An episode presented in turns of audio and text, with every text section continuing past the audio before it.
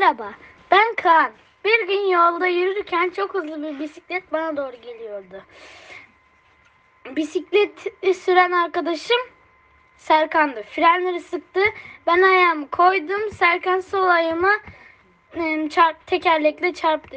Yere düşünce Serkan'ın bisikleti çok hızlı gidiyordu. Benim komşular beni doktora götürdü. Sonra bacağım çok acıyordu. Hemşire beni oyalamak için nasıl olduğunu söyledi. Ben de cevapladım. Hastaneye geldiğimde Serkan benden özür diledi.